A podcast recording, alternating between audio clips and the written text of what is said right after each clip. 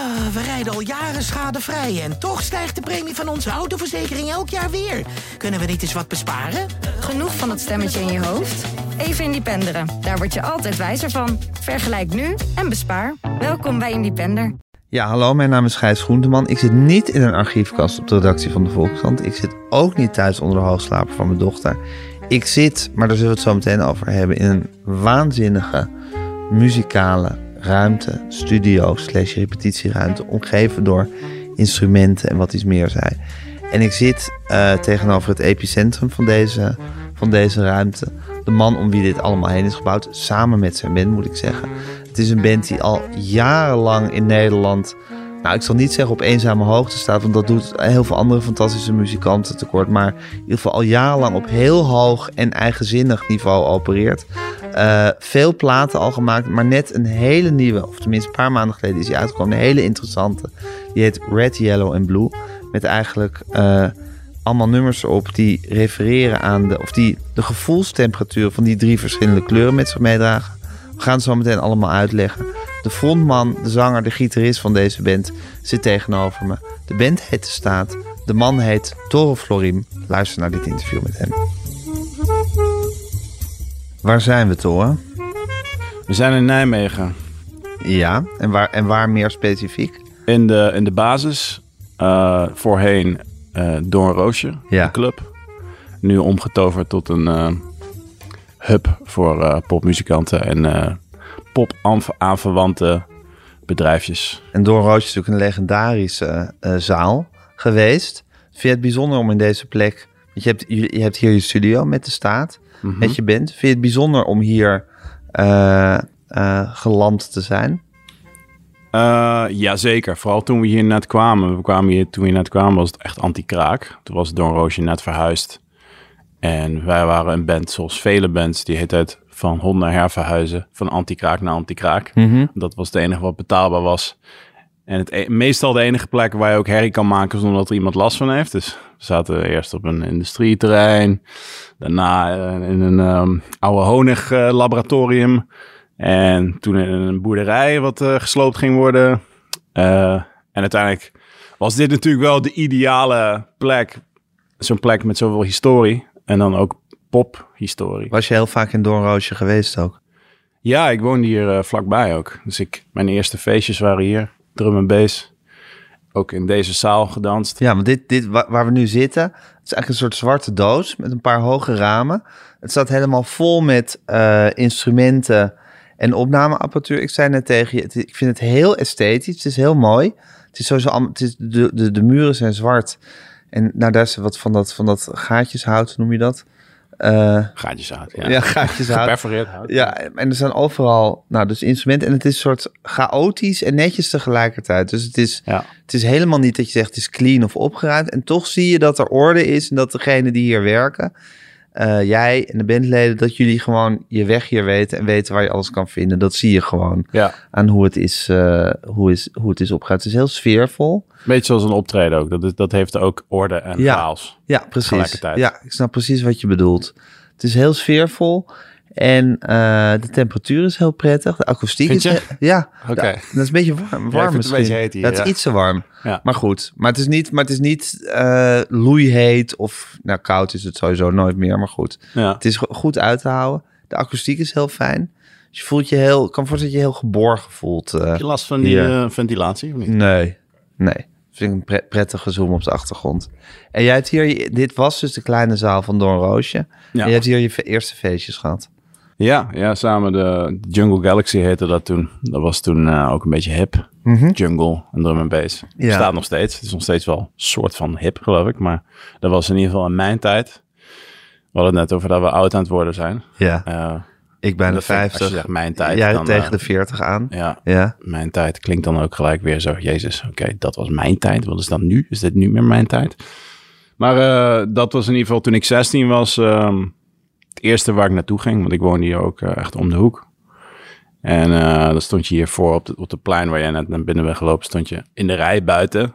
Ook tot genoegen van de buurt. stond echt vaak een hele lange rij. En dan eh langzaam naar binnen. En dat was heel spannend natuurlijk als 16-jarige. En ehm, dus ja, dan kwam je ook hier. En het, het, ik word eigenlijk alleen maar bewust van het feit dat Don Roosje was elke keer als iemand zoals jij langskomt... of iemand die hier nog nooit geweest is... of als ik een samenwerking aanga, dan zit hij altijd zo rond te kijken. Wow, en dan denk ik, oh ja, Oh ja. dit is Ja. inderdaad...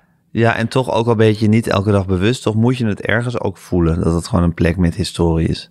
Kan ik me voorstellen. Ja, je ziet het sowieso. Ja. Dus dan, eh, ja, zeker. Ik denk, ik denk het wel. Het is ook, wat ook vet is aan het pand, vind ik, het is een oud schoolgebouw. Echt van vroeger. En het zit onder de graffiti.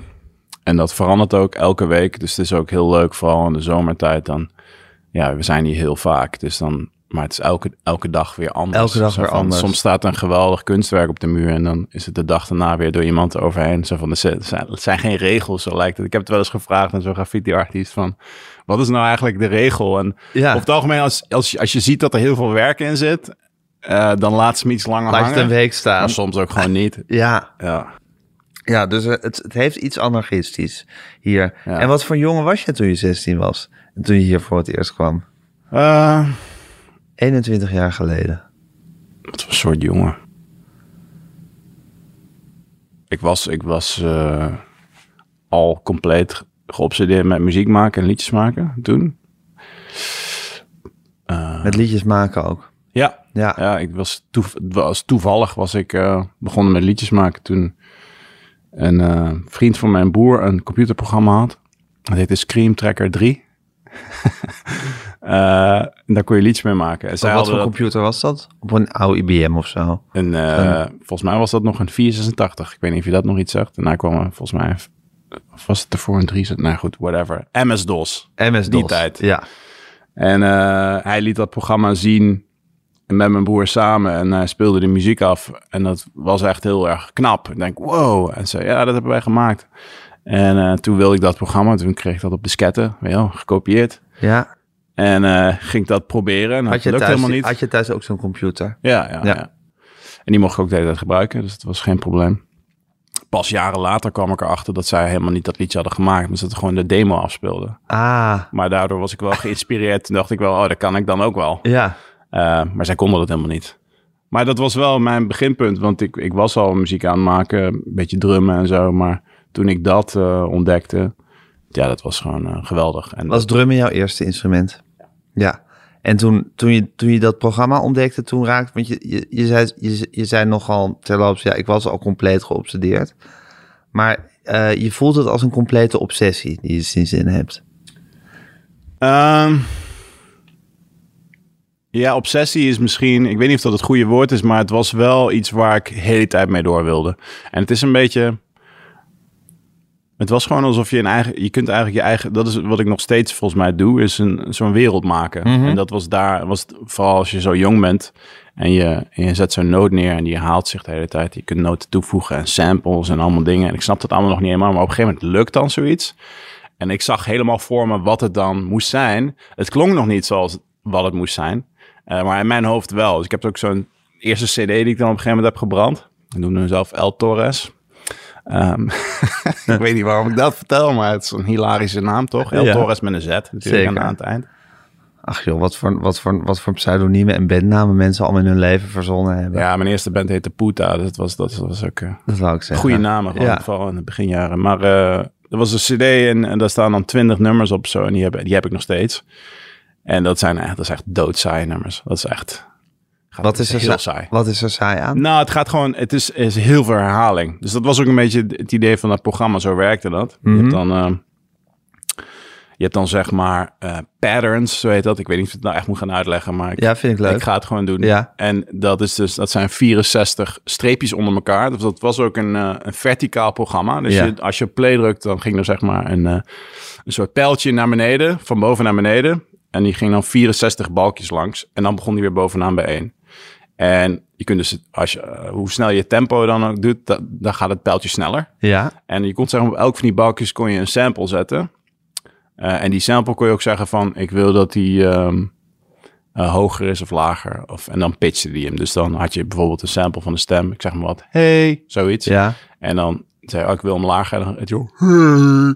Ja. Weet je wel, dan werd hij... dan werd hij ging niet, Ja, en dan kon je een melodie maken. Ja, dan kon je een melodie mee maken. En zo zaten er allemaal sampletjes in. En dan had je dus meer... En dat ging dus van boven naar beneden. En dat was dus één pattern. Ja, En je had dus ook nog horizontaal eh, verschillende vakjes waar je dus iets in kon. Dus je kon ook samples tegelijkertijd zetten. En één zo'n pattern van 64 eh, ehm, balkjes eigenlijk. Daar kon, dat was dus één, één deel. En dan volgens kon je weer naar een nieuwe pattern. En dan zat je zeg maar ja, 16 patterns of zo, zeg maar wat.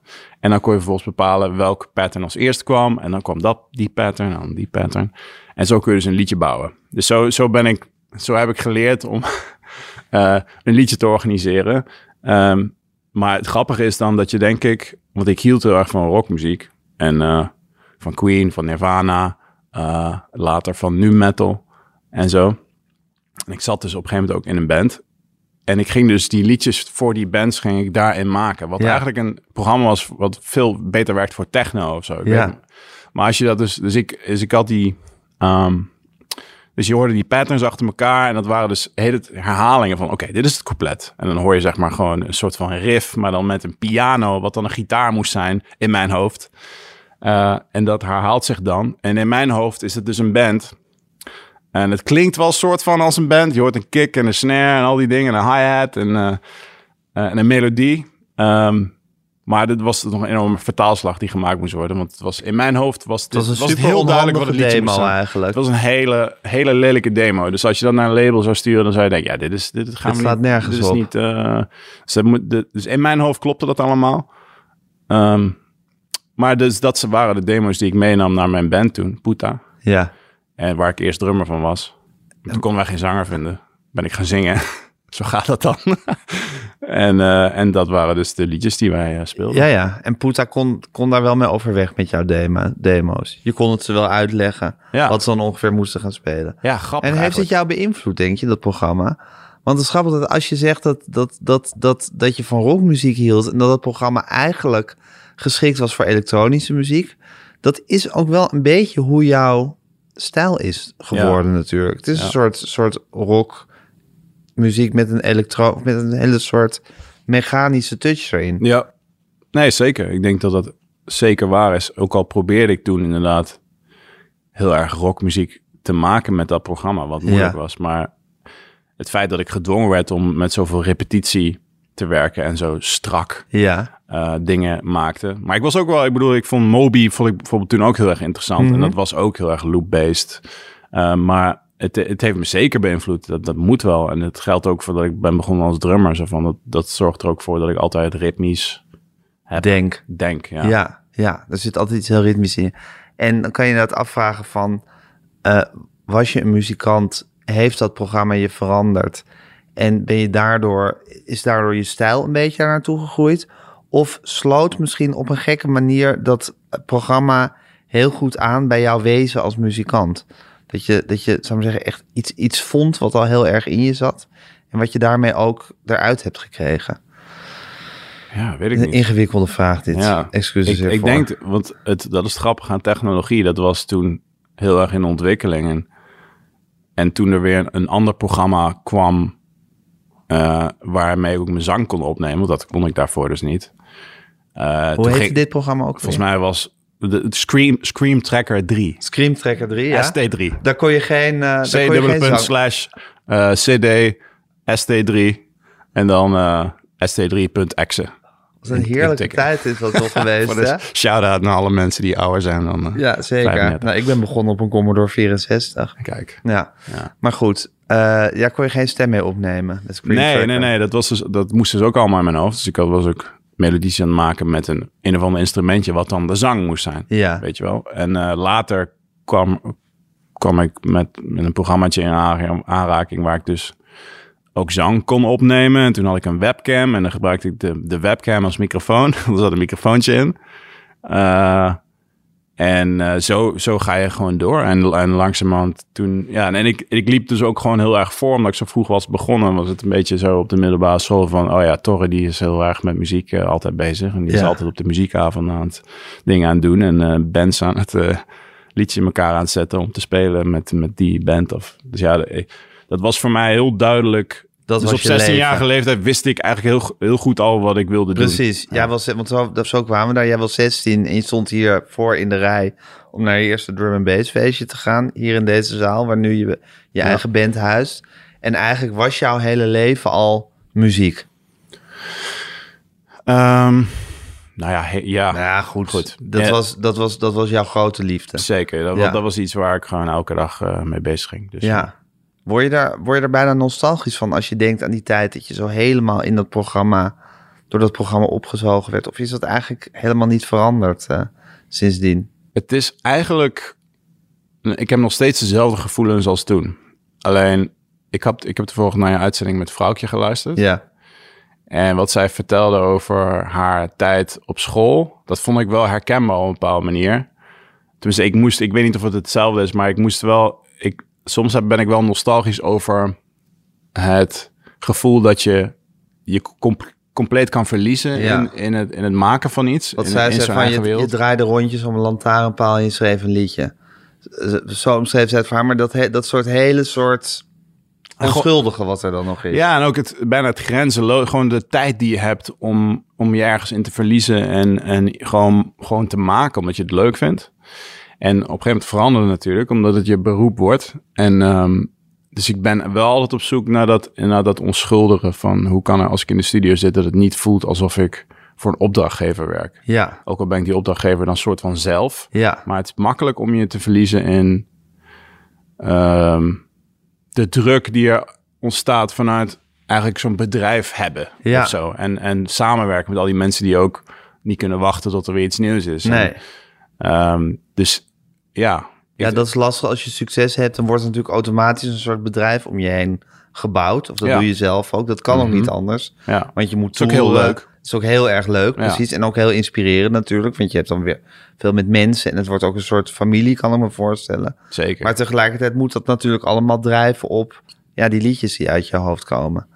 ja, ja. Ja, Ja, en ik, er- ik ervaar het niet per se als druk of, of iets negatiefs per se.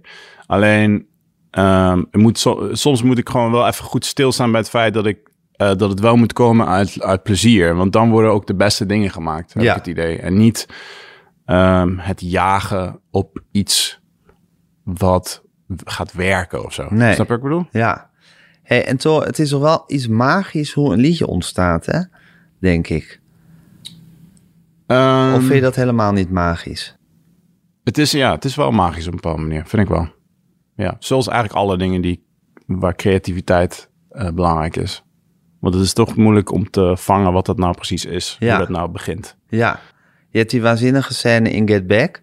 Die documentaire dat, dat Paul McCartney Get Back schrijft. Ja, En dat je denkt, ja, zo, zo, is, zo, is, zo gaat dat dus. ja, Dat je zit, ja. dat, die, die, die momenten moet jij ook al heel vaak gehad hebben. ja, Maar dat je het ene moment soort richtingloos op je gitaar zit te pielen. Ja. En het volgende moment is er ineens iets. Dat is wel echt het vetste ding uit die documentaire, vind ik. Want ik heb nog niet eerder iets gezien waarbij dat op die manier gevangen werd. Nee, hè? En al helemaal omdat het zo'n natuurlijk Omdat zo'n het ook is. zo'n beroemd lied is. Ja, en dan Ja, zo, hoeveel jaar later zie je dan opeens dat gebeuren, letterlijk. ja, Uh, daar kun je normaal alleen maar over verhalen over horen of zo. Gewoon Ja. stomme verhalen over, ja, ik werd wakker en toen heb ik die riff even ingeneuried. En dan zo, ja, ja, oké, Ja. zal wel. Uh, maar nu zie je het gewoon. Dus dan zie je het eh, wonder gebeuren, hè? Ja, gewoon super herkenbaar. Ik bedoel, ik heb niet de hele docu gezien, maar eh, van de Beatles gaat het dan over, hè? Voor Ja. de mensen die geen Ja. Eh, maar dat is wel, ik vond het heel leuk om te zien. Ook omdat het gewoon, ik bedoel, dat zijn de Beatles natuurlijk mijlenver eh af van, eh, van wat wij doen. Ja, en tegelijkertijd ook weer niet. Nee, ja, het is mooi naar kijkt, maar meer van een soort van, dat is huge, de Beatles. Maar Zeker, maar de uiteindelijk, is, processen, het- de uiteindelijk is het ook zijn vier jongens die gewoon met Ja. elkaar een liedje maken. Ja, Ja, dus dat, dat is gewoon wel cool om te zien en, en eh, daarom ook heel leuk om te zien. Omdat het, uiteindelijk is het allemaal hetzelfde principe. ja. Eh, en hoe het dan landt of eh, hoe het resoneert bij mensen is dan het verschil misschien. Maar Hoe, hoe, hoe komt een liedje bij jou? Komt dat op onverhoedse momenten of moet je ervoor gaan zitten? Ehm, ja, meestal ga ik er wel voor zitten. Ja, ja ik, ik ben een beetje verknocht aan de computer. Dus ehm, daar vind ik het het leukst om, om te werken ook. Eh, maar ik zit ook wel eens met een gitaar op schoot of iets. Maar In principe is de computer jouw instrument waarop je componeert. ja, eigenlijk wel. En hoe gaat wat, wat heb je dan? een keyboardje voor je of zo? Of een... Ook. Eh, ik heb in principe de hele wereld voor me. Eh, tegenwoordig kun je ook makkelijk dingen, heb je dingen als Splice. Ik weet niet, heb je daar wel eens van gehoord? Nee. Ehm, wat ik denk ik 15 jaar geleden als, als cheaten zou zien.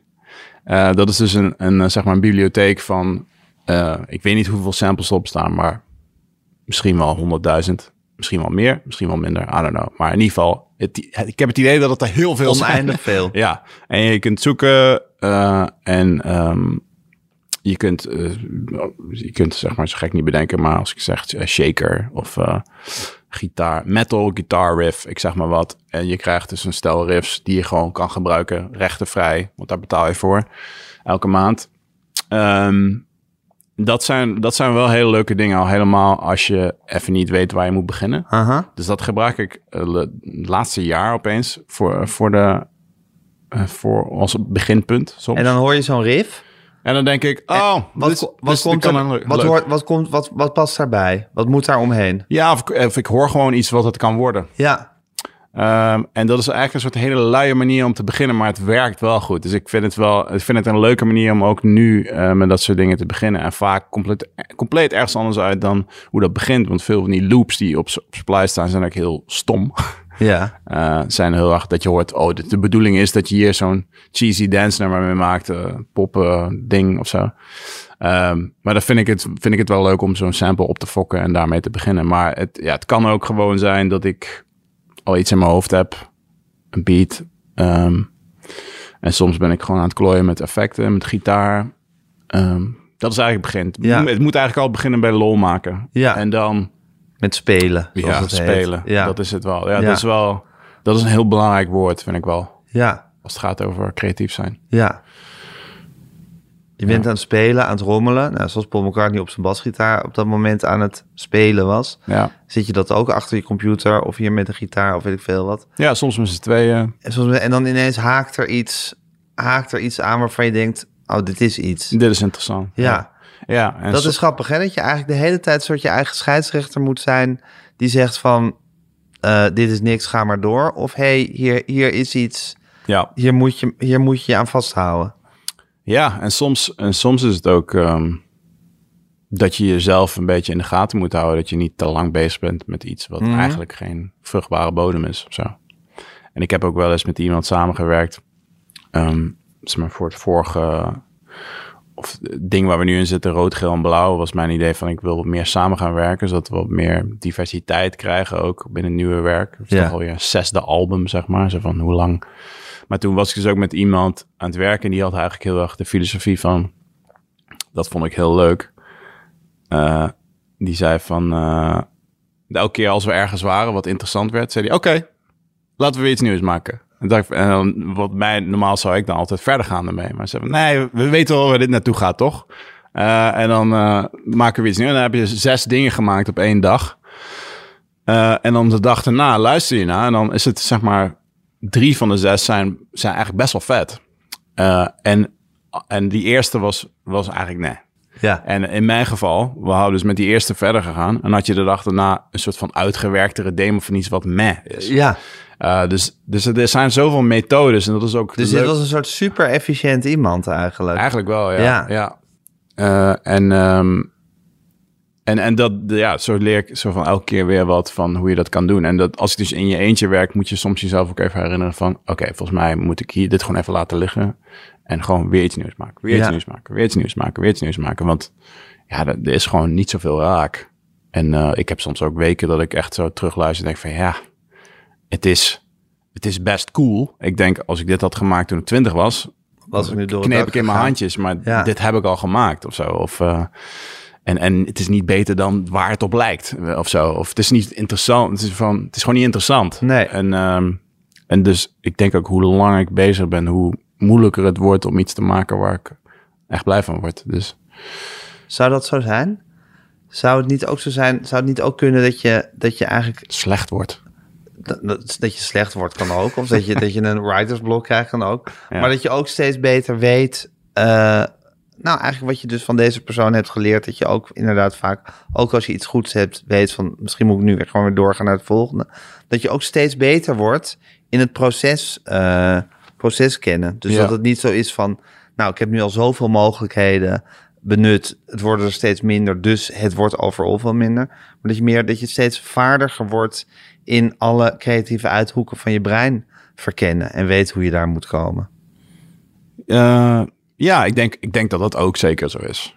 Maar het, het speelt voor mij ook gewoon wel mee dat het... ehm, hoe langer je bezig bent, hoe... Je hebt natuurlijk een bepaalde manier van werken jezelf aangeleerd. Dus het is makkelijk om op een gegeven moment dingen te maken... die lijken op wat je al eerder hebt gedaan. Ja. En als dat niet je doel is, en dat is niet mijn doel... Ja, eh, dan wordt het moeilijker om nieuwe dingen te maken... omdat je echt op zoek moet naar nieuwe technieken eigenlijk... Ja. om iets te, te maken waar je blij van wordt. Ja. Of waar je echt iets bij voelt. Want dat, Ja. is, dat is eigenlijk zo van... ik probeer heet iets te voelen achter de computer. en je ziet het dan toch als een soort goudmijn waarbij die steeds iets verder uitgeput raakt en dat het steeds langer zoeken wordt naar het volgende goudklompje. Meer dan dat je, dat was mijn theorie, maar dat je, zou ik zeggen, een super ervaren ontdekkingsreiziger wordt die steeds beter weet waar die naartoe moet om weer iets nieuws te Daar is het ontdekken. goud. Ja, Ehm, ja, wat ik zei, ik denk dat het allebei wel waar allebei is. een beetje. Eh, het is, het is eh, ik denk dat ik ook, het fascineert mij nu heel erg, omdat ik daar heel erg in zit nu. Zo van, toch al meer dan 15 jaar met de staat bezig. Ja. Dus, en en het, er zijn niet zoveel bands die zo lang spelen, Nee, eh, die zo lang samen zijn en zo lang op een bepaald niveau, zeg maar, gewoon nog in volle zalen spelen, zeg maar. Ehm, dat, het, eh, dat het mij heel erg bezighoudt van hoe, hoe houden we dit fris. fris. Ja. En voor, zowel voor onszelf als, als voor eh, onze luisteraar, die ik ook, waar ik mezelf ook onder schaar. Ja. Ik probeer me altijd te bedenken van, Ja, wat vind ik nou vet als hoe kan fan ik mezelf hoe- nog vermaken? Hoe werd ik vroeger, waar ging mijn hart sneller van kloppen als fan van een band? Ja, Uh, en dat, is, dat, is, dat vind ik heel erg leuk. Ik vind het heel erg leuk dat we nu hier zijn, omdat, ik, omdat het voelt een beetje als... Ik kijk nu zeg maar naar Bluff, bij wijze van spreken. En daar voel ik dan een soort van eh, liefde bij, terwijl het totaal niet mijn muziek is of zo. Ja. Eh, maar omdat ik het zo erg waardeer dat zij zo lang eh, samen zijn. Ja. En dat heb ik dus nu bij heel veel bands die lang, lang samen zijn. Ja. Omdat ik me opeens een soort van band voel met, met die mensen. ja, en omdat ik opeens begrijp hoe, hoe, eigenlijk hoe ingewikkeld het is om ehm, zo lang samen te blijven. Ja, en, Ja. En, eh, en, en iets te maken wat, wat, eh, wat boeiend is of zo. En eh, ja, er, ko- komen opeens heel veel meer dingen bij kijken. In plaats van als Dus je dat die, net Rolling, begint, dat die het- Rolling Stones dan weer met een nieuwe plaat komen, dat, ja, dan moet je bijna van huilen misschien wel, van ontroering. Ja, ik moest echt huilen.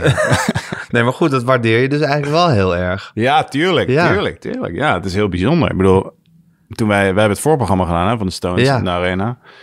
En eh, dat was gewoon. Dat was ontzettend weird, lijp en, en bijzonder. Maar dat is... Die, Weird, lijp en bijzonder. Ja, Ja, het is eigenlijk allemaal hetzelfde. Maar, eh, maar ik vind het toch een leuke uitdrukking. ja. probeer gewoon nog meer woorden te gebruiken... zodat je begrijpt dat het nog meer is dan Ja. alleen bijzonder. Is ik bedoel. Of weird of lijp. Ja. Het was dat echt allemaal bij elkaar. Het is gewoon heel raar om met die band... eh, in de, om in de buurt van die band te zijn. Dus dat is, dat, ik zie dat ook niet eens meer als een band. Dat is een soort van ander, ander wezen of zo. Ja. Heel raar. Maar dat is toch ook iets fantastisch?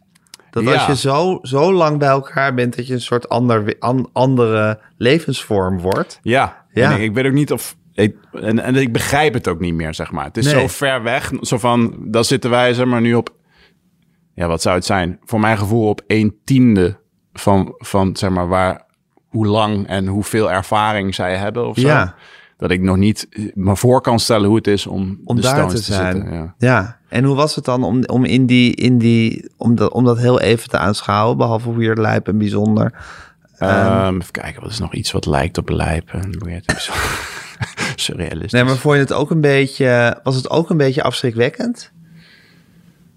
Nee, het was, het was gewoon heel leuk. Het was, eh, het was niet afschrikwekkend. Het voelt niet alsof dat iets is wat in de buurt is van ons. Dus het was, het was zo van... Het, voelde een beetje alsof je...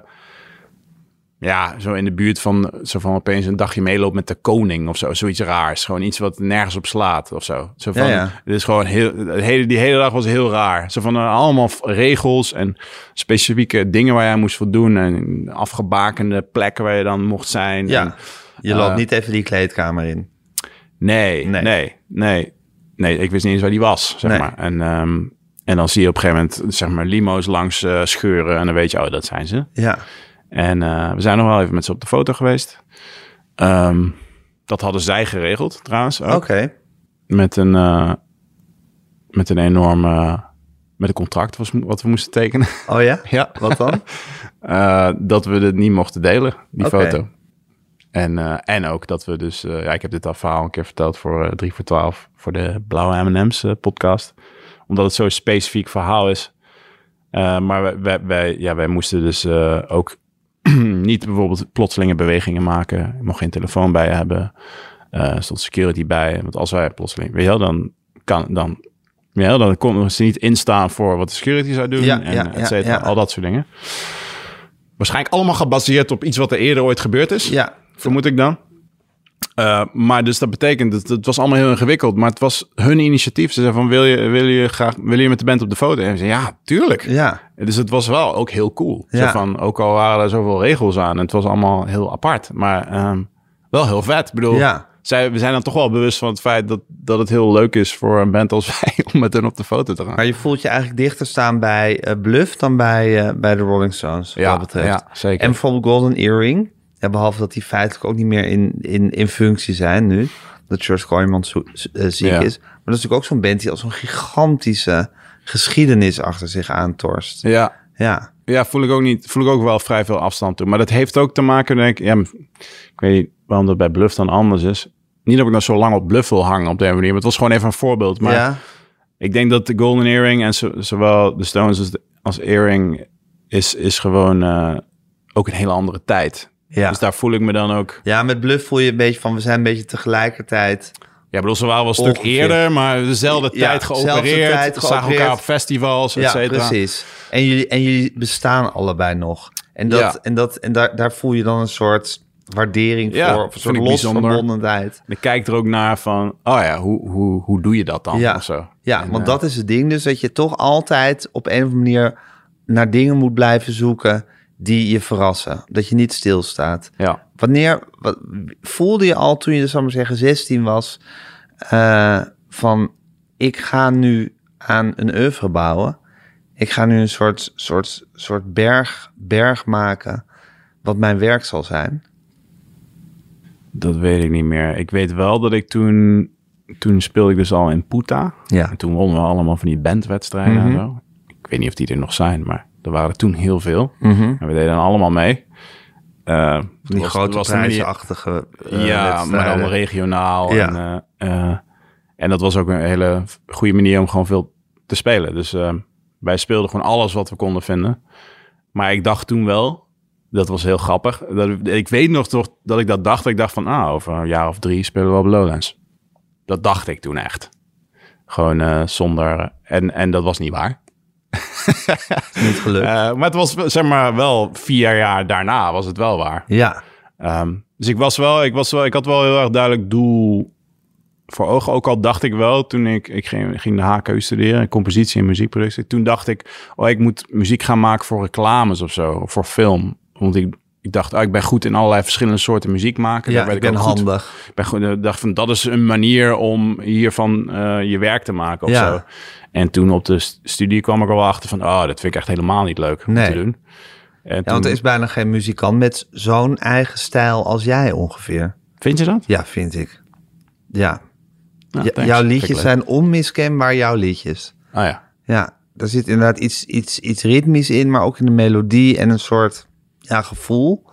Wat denk ik niemand anders zo heeft. En wat heel erg bij jou hoort. Ah ja. Wat denk ik ook, nou misschien dus bij Scream Track 3, uit Scream Track 3 voortkomt, maar misschien ook gewoon bij jouw wezen past. Ja. Hoor jij een liedje heel duidelijk in je hoofd voordat je het gaat eh, aan de band voorlegt of eh, gaat opnemen? Ja, mijn demo's zijn soms best wel, ook hoe beter ik word in muziek opnemen en produceren, zijn mijn demo's soms best wel ver uitgewerkt. Ja, Waardoor het soms zo is dat een demo eigenlijk bijna een soort heel erg in de buurt komt van finished product. Ja. Met een lelijk woord. Eh, dat we soms een demo eigenlijk bijna namaken zijn, maar hij wordt eigenlijk altijd beter oké. met de band. En soms is het echt zo dat, dat de demo heel erg verandert, omdat je merkt dat het spelen en het werkt niet. Ja. En dan zijn we dat samen aan het boetseren tot iets wat wel werkt. En zou ik maar zeggen, de fase voor de demo. Heb je wel eens iets in je hoofd wat je maar niet gewoon opgenomen krijgt? Eh, ja. Nou, dat gaat. Ja. Kijk, er zijn heel veel momenten waarbij ik denk van, ik wil dit voelen, maar ik voel het niet. En ik heb het idee dat het er wel in zit. En ik Ja. weet dan niet waar het aan ligt. Ja. Uh, en dat is denk ik iets wat je met ervaring steeds minder hebt. Dat je op een gegeven moment weet waarom iets niet voelt zoals het moet voelen. Want dan leer je gewoon heel veel technieken, ook met mixen, et cetera. Van, eh, dit is het, het refrein komt nu, maar ik voel niet, dit voelt niet als een, als een hoogtepunt. Nee. waar zit hem dat in? En dat kan hem in heel veel dingen zitten. Eh, en dat is een hele leuke puzzel, maar het kan ook gekmakend zijn. Zo van, eh, soms is een liedje, een liedje maken is dan 5% van de tijd dat je met een liedje bezig bent. Want die laatste, eh, nou ja, dus overdreven, maar Ja, maar laat zeggen, de laatste 80% Ja. gaat dan over mixen en over die details. Ja. En eh, frustratie dat je nog niet helemaal eh, eruit kan krijgen wat je denkt dat erin zit. Ja. En dat je niet weet waar het aan ligt, waardoor je heel veel aan het proberen bent. En, ehm, en dan luister je naar versie 3 en Ja. versie 25. Ja. En die liggen dan helemaal niet zo ver uit elkaar. Nee. En dat, eh, dat is nog wel zo'n proces wat, wat ik niet super vet vind, maar dat hoort er dan blijkbaar bij. Ja, dat is het gezwoeg en het geploeter wat er ook bij hoort. Ja, ik Ja. weet niet, is dat vergelijkbaar met schrijven of zo? Of? Nou, wellicht met schrijven, maar daar heb ik ook een hekel aan. Het is weer helemaal niet vergelijkbaar met interviewen bijvoorbeeld, waar je gewoon altijd gewoon lekker on the spot het gewoon moet doen. Ja, ik hou dus ook helemaal niet van dingen heel, heel langdurig fine-tunen of nog monteren tot het perfect is. Ja, dit gaat Ik meer ben- over het moment. Ik ben, ja, ik hou heel erg van het moment. En eh, ik mis helemaal het maniacale willen om het, zo goed, om het zo goed mogelijk te krijgen. Ik ben helemaal geen perfectionist. En ik denk dat jij, iets, dat jij wel iets maniacaals over je kan hebben daarin. Dat Ja. kan bijna niet anders, Ja. gezien je werk. Ja, Ja. Nee, dat is zeker waar. Ja. Maar dat is ook lekker natuurlijk. Het is, is het lekker? Nou, als het, het is wel heel lekker als je merkt dat het, dat het, dat het lukt. Dat is geweldig. En dat is denk ik ook een, een van de redenen waarom ik het blijf doen. Ja. Eh, maar het kan, ja, als het niet lukt, dat is eh, misschien net, net zo niet leuk als Ja. dat het wel lukt. Ja. Dat, dat het wel leuk is. Mooi Hey, gezegd, toch? Mooi En gezegd. Tol, hoe kwam, hoe kwam Red, Yellow en Blue eh, ter tafel? Dat idee. Ehm, ik, ik had al langer dat idee in mijn hoofd. Ehm, Kan je het idee even uitleggen voor de het mensen die het nog idee niet is dat weten? we eigenlijk onszelf opsplitsen in dat we eigenlijk meerdere dingen tegelijkertijd maken die allemaal dus rood, geel, blauw. Eh, rood is een soort van albumpje op zich, geel is een album op zich en blauw is een albumpje op zich. Eh, en die alle drie compleet van elkaar verschillen qua sfeer en qua idee. Ehm, en dat is eigenlijk al, dat idee had ik al langer. En dat is dan eigenlijk een gewoon vooral een creatief idee. Ook een, ook een idee van dit is leuk om te maken, omdat het, ja, wat je, wat je zegt, van het is fris. Het, is, Ja. het, het daagt ons op een bepaalde manier uit. Je moet jezelf eigenlijk weer ergens uithalen en dan weer voor een, voor, voor een ander probleem zitten. Eigenlijk zoals de Beatles Sgt. Pepper hebben bedacht. Is dat zo? Ja, die dachten van, la, la, toen we Paul McCartney dacht, laten we gewoon doen of een andere band zijn. Oh, oké. Om gewoon eventjes uit de Ja. sleur te komen. Ja, maar dat, dat is het denk ik ook. Van, dat heeft denk ik ook te maken met dat langer samenspelen. Dat, dit, dit voelde voor mij als een heel logisch moment om zoiets te proberen. Eh, omdat, we- ja, we hebben al, eh, wat is het, vijf, vijf keer de normale manier gedaan. Dus aanhalingstekens, waarbij je wel elk album een eigen karakter probeert te geven natuurlijk. Maar het was nu zoiets van, ja, dit is eigenlijk het juiste moment om iets te proberen wat anders is. En het is misschien, werkt het ook voor geen meter. Of misschien is het allemaal ingewikkeld. Je merkt ook wel dat mensen het ingewikkeld, vooral mensen in de media vonden het ingewikkeld.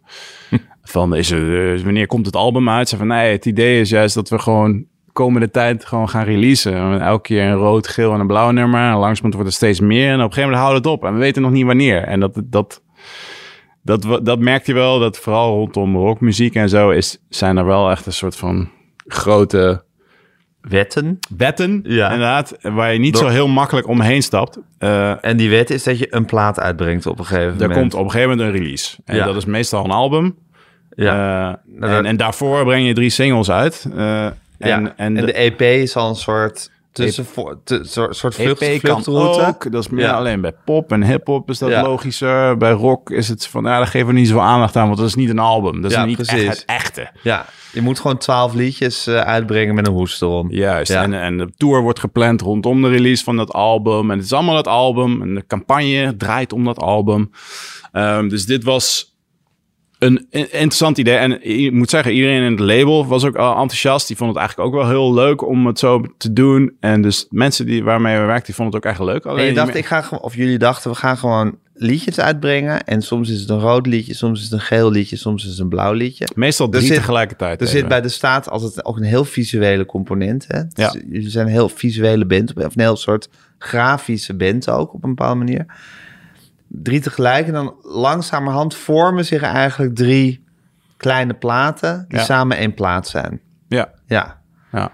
En was iedereen heel enthousiast over, maar ook heel veel mensen begrepen. Die, die hadden Nou ja, iets je- van, ja, maar hoe dan of zo? Ja, je, ja, ja, je merkt, dan merk je opeens van hoe, Conservatief. hoe, nou ja, ook hoe media, hoe social me- media werkt en zo, is dat er, als je zeg maar, bijvoorbeeld, we brachten dan vaak drie liedjes tegelijkertijd uit, een rode, een gele en een blauwe. ja.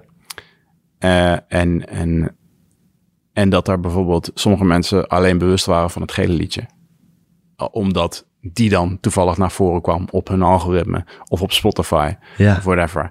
En dan kreeg ik opeens zo van, hey cool man, die gele, ja. die gele song. Of die gele plaat, of whatever. Yellow heet het toch, die plaat. Oh, En dan hadden ze alleen maar dat liedje eh, ge- gehoord of zo. Eh, en toen, eh, dan realiseer je wel, oh ja, het is zo gefragmenteerd. En het komt allemaal maar deels binnen bij mensen. Dus als je zo'n concept als deze introduceert... eh, ja, dan moet je wel echt even je verhaal heel, heel goed hebben. En dat hadden we wel. Dat hebben we nog steeds, volgens mij. Alleen het duurt gewoon langer. Het is wel een verhaal. Het moet Ja. wel uitgelegd worden. Het moet wel uitgelegd worden. Ja. En ik wilde eigenlijk in het begin helemaal niks uitleggen. Ik Ja. wilde dat het vanzelf duidelijk werd. Ja. Eh, maar da wat daar is snel- saaier dan een kunstenaar die zijn verhaal staat uit te leggen? Ja. Toch? Maar dat zijn we de hele tijd aan het doen. Ja. Eh, maar ik, ik, ik ben ook wel bewust van eh, dat het belangrijk is om een context te creëren. En ik bedoel, ik, ik wist al toen bij het tweede album bij ons, Machinery, toen hadden, ha- merkte ik dat alleen maar vragen kregen over hoe het is om samen in een band te zitten en het, eh, eh, of zoiets. En, en gaat goed, hè? Het gaat goed, hè? Dat soort vragen. en toen dacht ik, ze vragen nooit iets over waar ik over zing. En toen heb ik bewust bij het derde album in de, in de biografietje, wat je dan released, Ja. eh, van de plaat komt uit en dan een kort biografietje of een, kort stukje tekst, heb ik bewust gezegd van laten we eens kijken als we in die tekst zetten van waar de liedjes over gaan. Wat er dan gebeurt en waar Rempel, want alle eerste interviews die ik krijg, die, die, die lezen eerst dat biografietje en die denken, die, ja, wel, dat is gewoon een beetje hoe het gaat. En daar gaan ze dan vragen over stellen. En dus ik kreeg toen alleen maar vragen over waarover ik zong. Dus ik ben me wel bewust van hoeveel kracht erin zit in de kleine dingen die je zelf... Ja, hoe dat te manipuleren is ja, en informatie die je, die je meegeeft. Ja, zeker. En, maar hier eh, had je dus eigenlijk onderschat hoe eh, verwarrend dit concept was. En hoe ja, weinig mensen dan gesteld zijn op verwarring. Dan heb ik het niet over jullie fans of eh, het label. Maar Ja. dus mensen die het over moeten brengen. Namelijk journalisten en zo. En social Ehm, media. Ik, weet, of, ik weet niet of ik het onderschat had. Nou, het het was is ook gewoon... eigenlijk helemaal niet zo interessant. Nee? Het is, ja, het is wel interessant, maar het is gewoon... Oh nee. Wat, ja, het is wel. Nee, maar het is wel. Maar nu, nu gaat het eigenlijk alleen maar over hoe het overkomt en Ja, hoe, ja, je ja. Het, hoe je het verkoopt. En niet meer wat in essentie Ja, ja, ja. het idee was. Ik denk ook dat ik, dat ik, het ligt ook aan mij, denk ik. Want ik begin, ik praat daar zelf ook over. Ik denk ook omdat het mezelf eh interesseert. Bezighoudt. Maar het is misschien, Ja, eh, maar kijk, ja, ik ben heel trots op wat het uiteindelijk, eh, wat, het is nu helemaal uit. ja, het is ook vind het- prachtig. Thanks. Het ziet er heel mooi uit. Het klinkt fantastisch. Dat, dat vinyl is super aantrekkelijk met die drie, Oh, met die hem? drie kleine plaatjes. Ja, dat Oh, is waanzinnig. Ik heb hem hier niet eens liggen. Nou, kan je nagaan. Maar ehm, ja, ik ben er dus ook heel, heel blij. Het is een waanzinnig vet experiment, wat eigenlijk voor mijn gevoel heel erg geslaagd is. Ook omdat we nu onszelf, zeg maar, los van de drie verschillende eh, platen die samen één zijn, wat een enorme uitdaging was. Maar we gaan nu dus ook ehm, drie verschillende shows doen op een rij. Bijvoorbeeld in Ja. Paradiso en, en Doornroosje. Ja. En in Londen en in, eh, in België, Sint-Niklaas. Dus we doen een rode, gele en een blauwe show. Die dus op rij, die compleet van elkaar verschillen. En dat maakt het dan... dus ik vind het gewoon puur qua kunst en qua concept en wat het is geworden, ben ik heel erg tevreden. Ja. Omdat het, eh, het is echt anders dan wat we daar, daarvoor hebben gedaan. Ehm, op heel veel verschillende vlakken. En, en het is ook echt ingewikkeld, ook voor ons, om die sets te maken.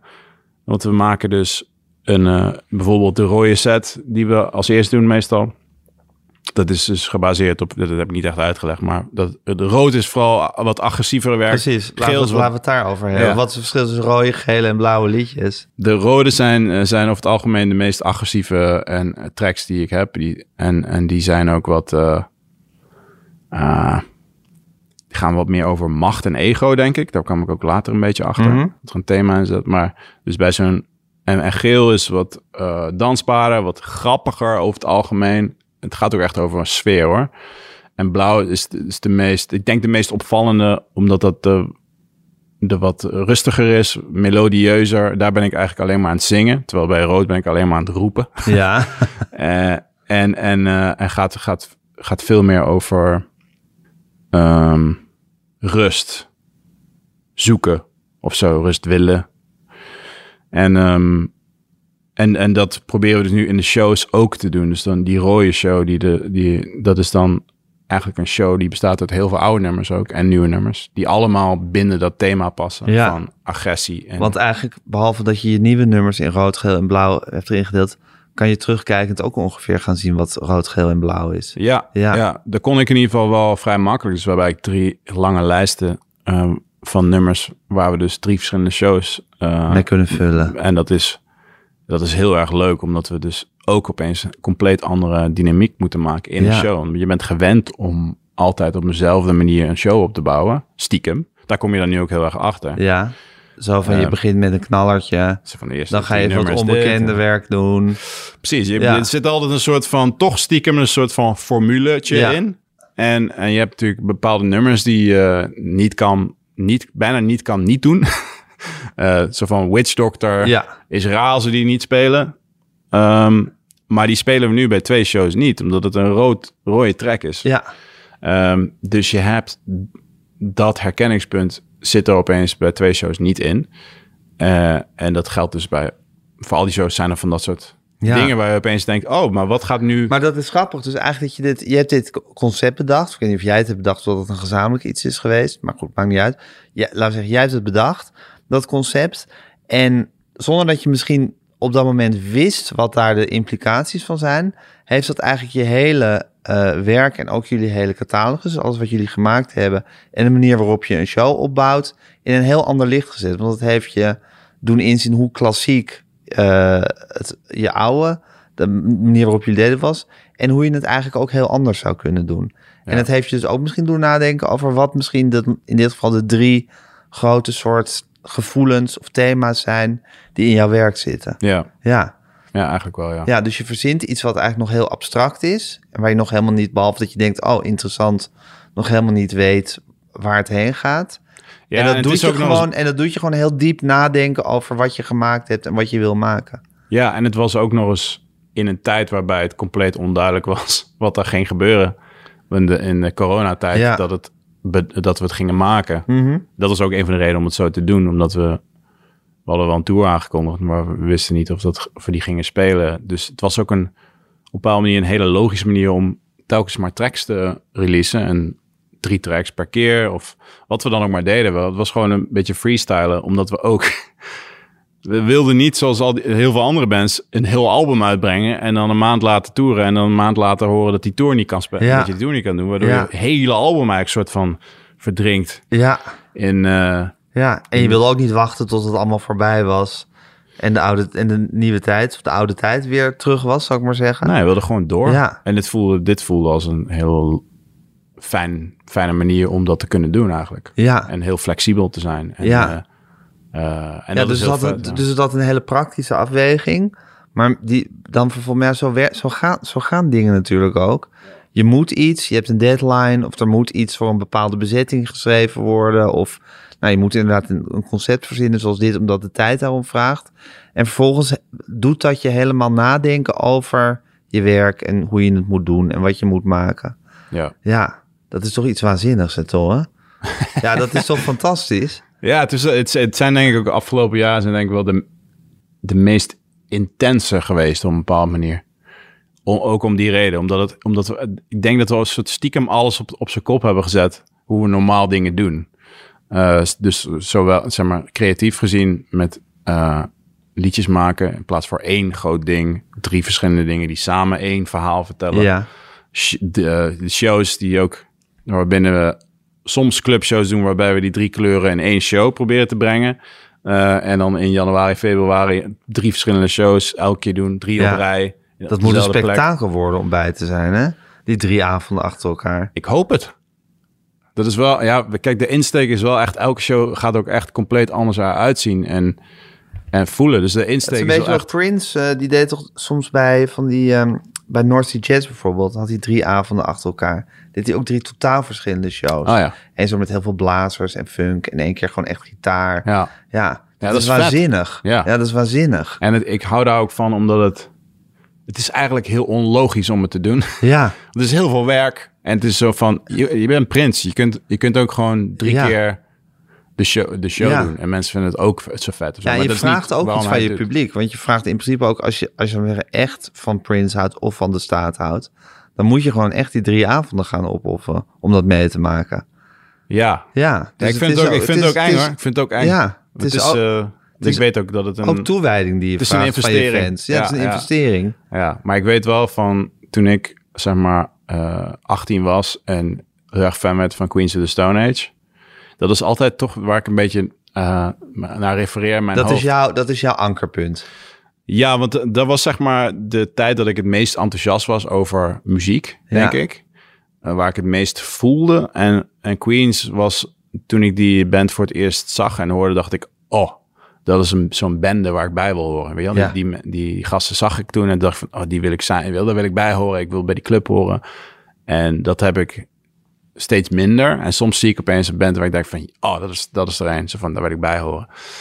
Eh, maar dat is toch altijd waar ik denk ik als probeer terug te zien van als, als kiddo dat ik dat dat ik die voel en dat er een, Ja. een nieuwe soort van teasertje uitkwam van met een fragmentje van een nieuw nummer. Ja. En ik daar super excited was van oh yeah, dit wordt echt vet en uh, ik wil ze zien en, uh, Ja. en dat en dat probeer ik altijd wel een beetje mijn achter Ja. te houden van. Er Dat- zijn, er zijn, geloof ik, mensen die dat ook hebben bij ons. Er zijn En daar 16-jarigen doe ik misschien inmiddels 28-jarigen... Ja. die gewoon alles van de staat willen. Dat, dat hoop ik. Dat, ze gaan het in ieder geval Ja. krijgen. Ja, maar dat, is, maar dat is wat je wil zijn in elk geval. Je wil zo'n band zijn waar mensen hongerig en nieuwsgierig naar blijven. ja, en ook, Ja. ook dat, is wel in ieder geval wat ik wil. Ja, Ja. Niet, het gaat niet over de, ook de eventueel met glorieuze mislukkingen daartussen. De, het risico Of is... pogingen. dat pogingen risico is die er. niet 100% slagen. Ja, Ja. Die, die pogingen zijn er. En, Ja. eh, bij dit is dat ook nog Maar een steeds... zijn- poging is altijd interessanter dan een herhaling. Vind ik wel. Ja. Ik, ik vind het zelf ook, als ik een band zie en er gaan dingen mis... eh, Ik vind dat het allerleukste om te kijken hoe, hoe daarmee wordt omgegaan. En dan weet ik ook, dat is ook bij ons zo, vind ik. Als er, er, gaat, er gaat nog wel eens wat mis, of er gaat, er gaat iets kapot, of weet ik veel wat. En dat zijn vaak de shows die ik onthoud. En ik ook weet van, als het voor elkaar krijgen om dat om te draaien tot iets waardoor het beter wordt. En dat kan. Dat, zijn, dat is het allerleukste, vind ik. Wat Ja. is. Waarbij er gewoon momenten zijn dat het, eh, dat het om, dat het, ja, dat het iets wordt om te onthouden. En, eh, en dat je denkt van, oh ja, daar was ik bij. Toen ging die amp opeens kapot. En toen moesten ze, moest het kantoor geen gitaar meer spelen. Ja, maar dat is, nog iets heel, jammen. dat is nog iets heel praktisch waar je dan overheen moet komen. Want inderdaad het uiterste vind ik. Maar je kan ook gewoon inderdaad een concept verzinnen of een idee verzinnen. Wat misschien als concept en idee goed is, maar in de uitwerking misschien lastiger is. Of misschien Ja. als wat mensen meteen naar drie shows gaan voor jullie. Dat ze zeggen van nou ja, het is wel een heel leuk idee, maar drie shows achter elkaar is wel toch een beetje lang. Ja. Het is wel veel. Hè? Het kan natuurlijk in de uitwerking kan het. Of, of je bent gewoon eh euforisch na die drie avonden, dat kan ook. Ja.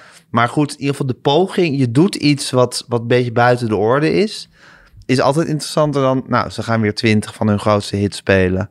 Nou, zoals Rolling Stones dat zo ontzettend vaardig doen.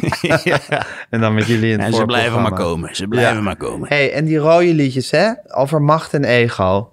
Ja. Wat is, waarom is dat een thema voor jou? Ehm, dat is een goede vraag. Ik weet niet. Ik weet het niet zo goed. Het, eh, het fascineert mij gewoon heel erg. Ik denk die ook de... als ik het voor mezelf... Er zijn een aantal nummers bij... Als het gaat over ego... eh, bijvoorbeeld die opener van Rotate, Look At Me. Ja. En dat gaat heel erg over dat gevoel. Het is, het is een soort combinatie van dat ik mezelf belachelijk vind... Ja. en dat ik het ook heel tof vind. eh, Dat op het podium staan. Nou, jezelf en het hele concept eigenlijk van een ouder wordende band zou je kunnen zeggen. Ja. Wat je zelf ook bent. Ja, Maar daar sta je, daar sta je weer. juist. Daar sta ik weer in dat, in dat zielige licht.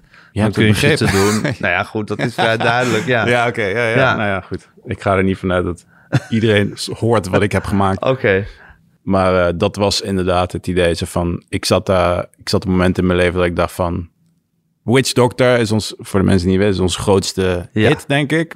Die ging de wereld over. Ja, En eh, dat is een liedje omdat wat het een fantastisch nummer is met een waanzinnige videoclip erbij. Ja. Die ook nog eens geïmiteerd kon worden terwijl jullie hem speelden. Dus dat was een soort zichzelf, alsmaar zichzelf versterkend Ja, iets was dat. ja, en dat, Maar dat wordt natuurlijk ook een blok aan je been, zo'n lied. Ja, nou ja, dat, dat niet dus per se. Maar ik vond het wel...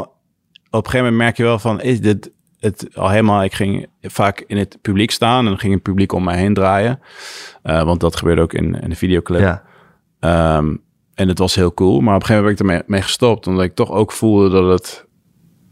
Het werd een soort van circus act. Ja, waar ik helemaal niks tegen heb. Eh, Want ik hou ook van... Ik hou ook daarvan. Dingen gewoon altijd precies hetzelfde doen. Vind ik ook, zit ook iets heel tofs in. Ja. Uh, maar het werd ook een beetje gevaarlijk en zo. Dus. Maar los daarvan, de, Look at Me, dat is het, in de video uh, van Look at Me refereren we ook weer aan Witch Doctor. Waarbij je mij dus ook ziet als hele oude man. Met allemaal half, half naakte mannen die om mij heen uh, Draaien. draaien. Ja. Zo van, en dat vond ik gewoon een heel leuk idee. En ik zat ook, ja, van, hoe lang doe je dit? En dan tegelijkertijd zit er ook referentie in de teksten van, ja, maar we zijn nog steeds wel is nog steeds beter dan al Jan. Er zit dus, is nog steeds beter dan de rest. En, Ja. uh, er zit een soort van hip-hop gevoel in ook. Uh, maar allemaal gevoelens die je dan kan hebben Ja. in je hoofd. En ik vond het dan toch belangrijk omdat ik vind het dan leuk om daar om dat te gebruiken in een, in een liedje. En dat zijn de ego aspecten waar ik wel vaker tegenaan loop. En het werkt dan heel goed om daar om je juist een beetje jezelf te Ja, want je, belachelijk te maken, toch op want je hebt, je hebt nou eenmaal je ego en je wil nou eenmaal in dat licht staan. En je houdt er ook van als je dan zo'n, dat met dat Witch Doctor moet je ook enorm van genoten hebben dat dat zo aansloeg en dat dat zo groot werd en dat je dan helemaal raak schiet. Ja. En tegelijkertijd voel je ook de, het gevaar ervan. Ja, ik, tegelijkertijd vind ik het ook stom op een bepaalde manier. Ja. En dat is een hele rare combinatie. Maar dat is denk ik toch ook een soort van Nederlands gevoel van. Nee, ik denk niet dat het Nederlands is. Ja. Ik, volgens mij zie je bijna alle... Nou, ik wel. Wat? Ja, jij wel, maar dan ga ik nu even mijn theorie zeggen. Oké. Want volgens mij is het ook zo dat, dat bijna alle popartiesten, zal ik maar zeggen, of heel veel, rond jouw leeftijd, Mhm. dus zo eh, eind 30, zo tegen de 40, ook een soort ongemak met hun succes krijgen, zou ik maar zeggen. Dus dan, je bent natuurlijk, als je 20 bent, ben je een soort ja, fontein waar de hele tijd maar dingen uitspuiten en de ene hit na de andere en het is fantastisch en dat publiek, op een gegeven moment wordt het publiek ouder je hebt toch niet meer die soort. Op een of andere manier verlies, verlies je toch ook die soort hete hitgevoeligheid. Volgens mij hebben heel veel artiesten die ze hebben als ze 4, 25 zijn of zo. Dan wordt het gewoon allemaal wat doorleefder en anders. Niet per se minder interessant. En dan is het, volgens mij krijgen artiesten ook een soort weerzin vaak tegen alles wat ze gemaakt hebben vroeger. Ik denk, moet ik dat weer, moet ik weer die, moet ik weer die dingen gaan spelen die ik heb gemaakt toen ik 24 was. Ja. En dat is een soort fase dan waar ze doorheen moeten. En op een gegeven moment, als je dan zo, zo misschien oud bent als ik of zo, zo 50. Dan Zo ze- ik, denk, ja, ik denk nu erg aan David Bowie. Hè? Dat Ja. is met, zou ik zeggen, mijn voorbeeld hierin. Oké. Die kan op een gegeven moment kan je het dan gewoon weer omarmen. Ja. En dan weer met liefde terugkijken op die oude tijd. Ja. Maar het is ook een soort huid die je van je af moet schudden op een gegeven moment. Ja. Misschien om gewoon creatief te blijven, inderdaad. Om niet te blijven hangen in ja, die man die alsmaar weer dat, dat, dat trucje herhaalt van toen hij 25 was. Ja. Nee, ik snap je heel goed. Het is, eh, het is denk ik ook wat ik in dat nummer ook probeerde te doen. Het is niet één gevoel wat ik erover heb. Het, Nee. is, het is heel veel dingen tegelijkertijd. Ja. Want ik vind het geweldig. Ik vind het ook stom. En ik vind het geweldig. Ja, En, eh, en, en bijzonder en weird en leuk. ja. Wat ik wel leuk vind, Toren, we hadden het vlak voordat we begonnen met deze opname, zaten we even over koetjes en kalfjes te praten, namelijk over het leven en de dood. Ja. En toen zei ik dat ik het wel eh, een, eh, een eh, ja, ik heb niet een actief doodsverlangen, maar ik vind het op zich wel een fijn idee dat het ook gewoon eindig is binnen een soort afzienbare termijn. Dat is zo, nou, rond de 80 of zo, dan zou ik toch wel een beetje de pijp uitgaan. Ja. En dat, het, dat er voor mij niet 200 jaar bij hoeft. Ja, en dat was voor jou iets wat je helemaal niet kon bevatten eigenlijk. Want jij hebt iets van het leven is toch iets wat je gewoon, ja, hoe meer hoe beter eigenlijk. Ja, dat benijd ik wel bij, want je hebt het blijkbaar ook een soort, soort permanente zin om dat creatieve proces aan te gaan. Terwijl zoveel, voor zoveel mensen is dat ook een worsteling. eh, scheppen en creëren en dingen verzinnen. Ja. Maar jij ziet het ook blijkbaar als gewoon iets heel leuks wat je elke dag mag, eh, mag doen. Ja, ik heb. ehm, ik vind het jammer dat ik maar zo weinig kan doen. Dat is het ook. Er zijn zoveel dingen die ik nog graag zou willen doen. En je moet toch ook een. En dat is denk ik ook dat ik in een, in een band zit. waarbij je eigenlijk bijna heel veel. Bijna alle creatieve uitingen kun je in een band doen. Zo van, zowel visueel. We maken films eigenlijk. eh, ik schrijf tekst. Ja, eh, liedjes. grafisch. Theatraal is het. Ja. Eh, alle, alles zit er eigenlijk in. Dat vind ik er ook zo leuk aan. En dat is, dat is ja. Het is een soort gezamtkunstwerk, die band. Ja, Ja, en Eh, wat jullie maken. ja en, en, en, en ik zou gewoon graag nog zoveel meer willen proberen. Ik vind dat gewoon echt leuk. Dus ik, als jij dat ook zegt, kijk, ik snap wel wa- wat u ook zei. Ik snap wel als je echt afgetakeld bent en je kan niet zoveel meer. Ja. Dat begrijp ik wel. Maar als ik zeg maar 80 ben en ik zie er nog zo uit zoals ik er nu uitzie. Ja. Ik voel me zoals ik nu uitzie. Dan zou ik niet weten waarom je dan niet al nu dood wil. En Nee. zo van, er zijn nog zoveel dingen die, eh, die er te ontdekken zijn, weet je wel. En, ehm, en ik, ik vind het soms jammer dat ik niet eh, ook nog dat kan doen. Of ook nog dat kan proberen of zo. Ja, ja. En je vindt het eigenlijk ook altijd leuk om weer iets te gaan proberen.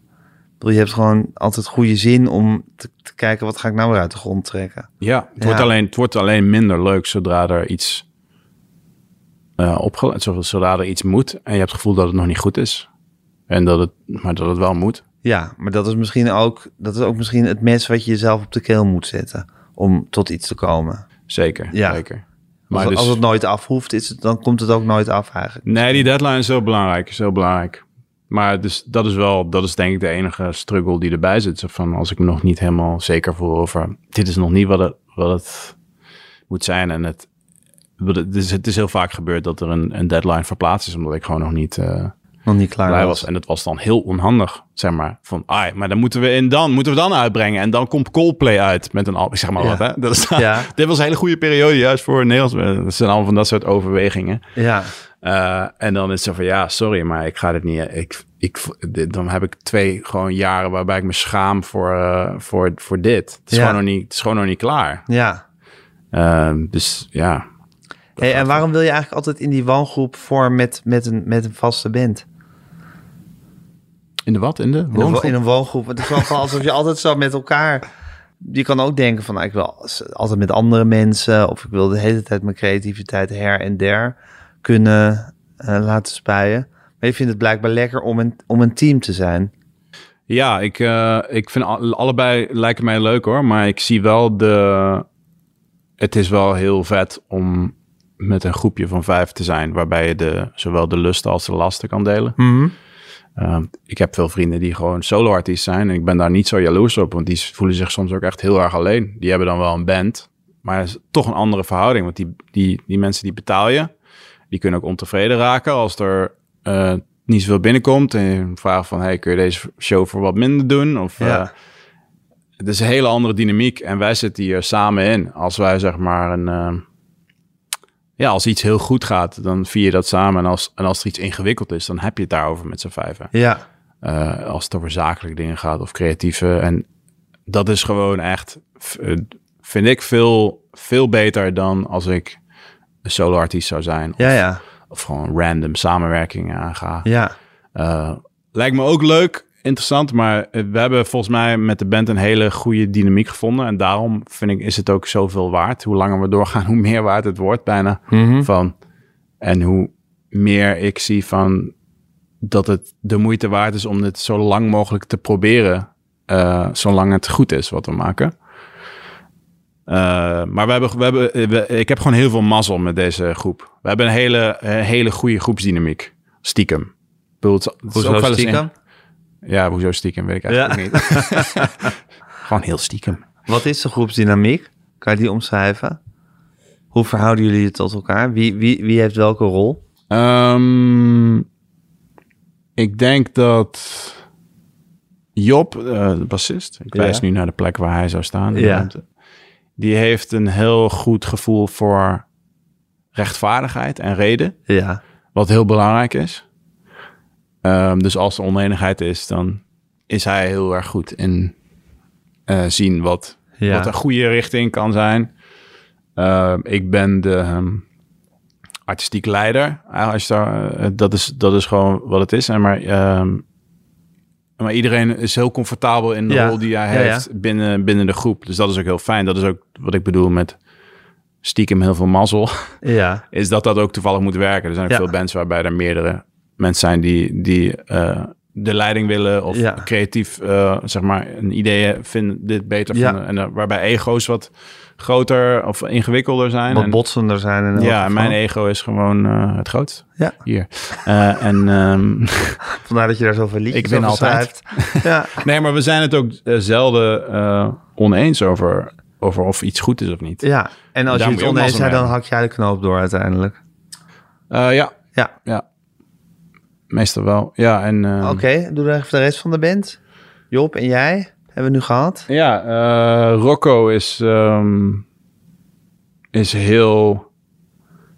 Als je het hebt over in het moment leven, is hij, is hij dat. Hij Ja. is bijna op een bepaalde manier zo tegenoverstel van, van mij in, in dat opzicht. Waarbij ik heel erg bijna in de toekomst leef altijd. Ja, In mijn hoofd. Daar jij haal, bent altijd aan het plannen. daar haal ik ook mijn plezier uit. Dat ik iets al voor me zie wat nog helemaal niet bestaat. Ja. Dat is ongeveer wat ik de hele tijd doe. En hij is, eh, eigenlijk voor hem is het moment veel... eh, Ja, ja, ja, want jij denkt altijd die kathedralen uit in je hoofd en dan ga je ze nabouwen. Ja, zo, zo bijna wel. Ja, Ja. ik- en dan kan het nog wel ter plekke veranderen. En dan ga ik mee. En dat vind ik ook allemaal heel leuk. Maar wat ik, wat ik steeds minder heb gelukkig, maar wat ik vroeger nog wel eens had bij shows, is dat je en dat ik eigenlijk tijdens de show bezig was met als die klaar is, dat die klaar is en wat we volgende show Ja. beter moeten doen. Of Ja, gewoon ja, ben hele notities aan het maken van oh het ook dit goed moment, is om gewoon mhm. in de show te zijn. Ja, en nu ben ik steeds comfortabeler daarin en heb ik het gevoel dat dat ook veel meer gebeurt. Wat En dat leert veel ook leuker jou ook een beetje. eh, ja, ja, denk het wel. Ja. Ja, niet, niet bewust. Niet zo van, oké jongen, we hebben weer les in, in het moment leven. Nee, zeker. Ehm, maar dat is, eh, dat is wel uniek aan, aan Rocco en, en, en geweldig ook aan Rocco, vind ik. Is dat hij heel erg eh, nu is, altijd. Wedran is, is de, de gitarist en de, is een hele st- stille kracht. Dat zie je ook op het podium. Hij, sta, hij staat ook stil. Hij is heel rustig. En ehm, zegt ook niet veel in gesprekken of vergaderingen. Maar als hij iets zegt, is het wel over het algemeen raak. En ehm, we hebben puur, we hebben niet even zo'n spel, hè. Ehm, dat is waanzinnig. Je ziet ook hoeveel pedalen hij heeft. Natuurlijk, heel hoe, veel hoe pedalen. meer pedalen, hoe beter. Hè? Ja, Dan dat is een wet Ja. in de muziek. Ehm, en Tim is, eh, is de drummer en, en heel actief en heel uitgesproken. En dat is ook leuk aan hem, is dat hij heel... eh, hij, hij heeft een soort rare combinatie met heel erg begripvol zijn naar mensen en compleet niet. En heel erg veroordelend zijn. Ja, ja. Dat is, eh, ik, dat is de meest... Maar dat weet hij zelf ook. En Hyde is hij wat dat betreft. Dat weet hij zelf ook. En ik, hij, eh, ja, het is gewoon heel grappig. Dus hij, hij kan heel erg begripvol. Ja, dat is wat ik zei. Bijvoorbeeld in, een, in, een, in de auto of zo kan hij dus heel agressief zijn als er iemand afsnijdt of weet ik veel wat. En tegelijkertijd hebben over eh, de- dat bepaalde mensen ehm, hulp veel meer hulp nodig hebben. Ja. En dat het echt belachelijk is dat we Ja. niet meer voor hen doen. En Ja. shit. Dus, En Ja. als je ooit als 18-jarige een band had kunnen uittekenen, toen zat je nog in Puta. Maar als je ooit een band uit had kunnen tekenen, dan zou dat ongeveer de staat zijn geweest. ik wil heel graag ja zeggen, maar dat weet, dat weet ik niet zo goed. Nee, maar goed, Nee. Het, is, het, het voldoet aan wat jij ongeveer aan Het werkt heel als goed. een Het ideale werkt- band het zou Ja, het werkt heel goed. Ook het werkt heel goed voor mij. Want ik voel me heel eh, welkom en warm. En, en het maakt mij ook als persoon zekerder van mezelf. Ja, Ook wat ik zeg van het, het delen van de, van de lasten in dit geval. ja, Ehm, En de eh, lusten. en de lusten. Maar eh, het, het feit dat je, de, dat je de lasten deelt, dat maakt het denk ik voor mij persoonlijk ook veel comfortabeler en, en veiliger voel je dan. En dat is heel belangrijk. Alleen maar als je in een creatief proces zit, dat je... Het is, het is veel makkelijker om niet te twijfelen als je met z'n vijven bent en je voelt je goed. Ja, En als er iets misgaat, dat je niet denkt van kut, dit moet ik alleen oplossen. Ehm, dus je kan het alle solo-artiesten aanbevelen. Alleen, het is dus heel moeilijk om een band te hebben die niet uit elkaar flikkert op een gegeven moment. Die banddynamiek, dat, ik heb daar geen... en je moet, en je moet de, de geestelijke vaardigheid hebben om eh, te zien wat goed is om je heen. En om je daarbij neer te leggen. En niet Ja. te denken van, oeh, het kan nog beter of het moet. Maar te denken, nee, dit is, dit is zoals het moet zijn. En hier gaan we op bouwen. Dat is ook een, eh, ook een talent hè, wat je moet hebben. Ja, Om niet te denken dat het gras altijd elders groener is. nee. Al maak ik me daar misschien wel schuldig aan soms hoor. Ja, ook wel? Nou ja, meer het, het gras in mijn hoofd is altijd groener. Dat is denk ik. Ja, maar je bent gewoon een maniacale denker en, en, en verder, verder willer. Dat is Ja. natuurlijk gewoon wat jou, wat jou drijft de hele Ja, tijd. Vaak Je moet. Ja, heel vermoeiend, maar misschien juist des te knapper dat je dan beseft van... maar dit zijn die jongens met wie ik dat ga bereiken. Dus dat je dan niet de hele tijd denkt... en dan wil ik met die gitarist en dan wil ik met die Nee. mensen... en die band hebben het zo leuk, daar wil ik dan, dan wil ik met hen een plaat. Maar dat je denkt, nee, ik ga mijn hoofd helemaal uitwringen... en alles wat erin zit. En deze mensen gaan me daarbij helpen. Ja. Ja, En het, het feit dat jij zeg maar, onze nummers herkent, is, is ook omdat we met deze vijf Ja. gasten zijn. Ik kan zo, eh, ik kan hele rare nummers schrijven en we gaan het met z'n vijf spelen en dan herken jij dat wij het zijn. ja, En daar, daar doen we niet, helemaal niet ons best voor, dat gaat vanzelf. ja. Dat is ook leuk eraan. Dat is het fantastisch, hè? Ja. Nou, Tore, ik wens je heel veel plezier met al die, eh, al die verschillende tours. eh, Al die al die onzin. verschillende avonden die je gaat, eh, Thanks. gaat doen. Ja, je bent welkom hè. Je kan komen kijken. Zeker. Ja, Drie in shows achter elkaar. Ik Ja, dat wil ik dus heel graag. Maar kinderen, in Paradiso maar- is hij net op mijn 50ste verjaardag. Op 29 januari. Oh, dus je bent nog helemaal geen vijftig. Nee, ik word 50. Oh. Terwijl jullie, ik denk de middelste, dus je gele show aan het spelen zijn bij mij om de hoek. Ik zal aan je denken. Maar ik, zal, ik, ik kom ergens anders kijken. Dankjewel, Tore. Dankjewel. Who's gonna be the GOAT? Not me. Ain't gonna train for the UFC. Your protein chicken, the money tree on a 12 step plan, the me JC. You're busy, busy bees, I'm free. Resisting whistling Shamalavi. You have a dream, I can't sleep. I guess the best of the best ain't me.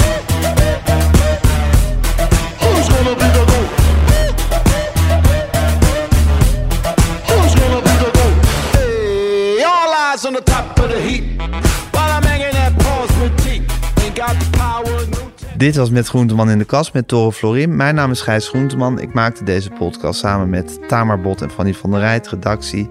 Julia van Alem bezorgde alles netjes in uw oren. Corine van Duin doet de eindredactie. U kunt ons mailen, podcasts.devolksstand.nl. U kunt ons volgen op Instagram, @metgroenteman. En geef ons vooral lekker veel sterretjes.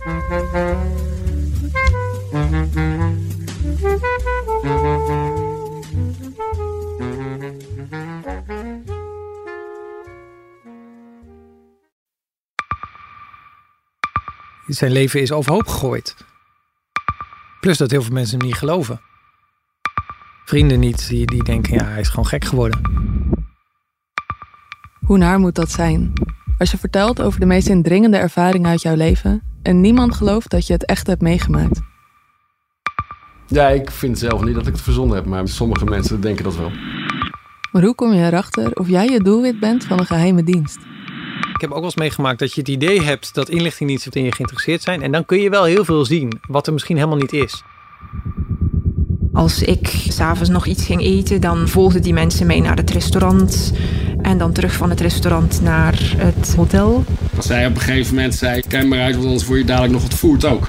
Shit, ik moet hier weg. Dat is, dat is niet goed. Nu word ik gevolgd. Een soort Truman Show is het gewoon. Hè? Alsof dat hele straatbeeld voor jou is ingericht.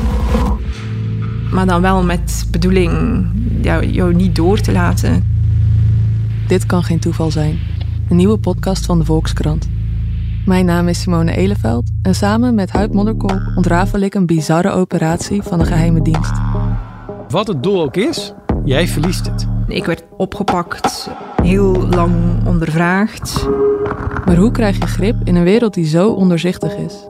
Als je zou liegen, dan zou je niet de meest relevante informatie twee jaar later tussen neus en lippen doorvertellen. Er zal nooit iemand zeggen, oké Bart, ik geloof je. Nooit, nooit. Dit kan geen toeval zijn. Vanaf 3 oktober bij de Volkskrant.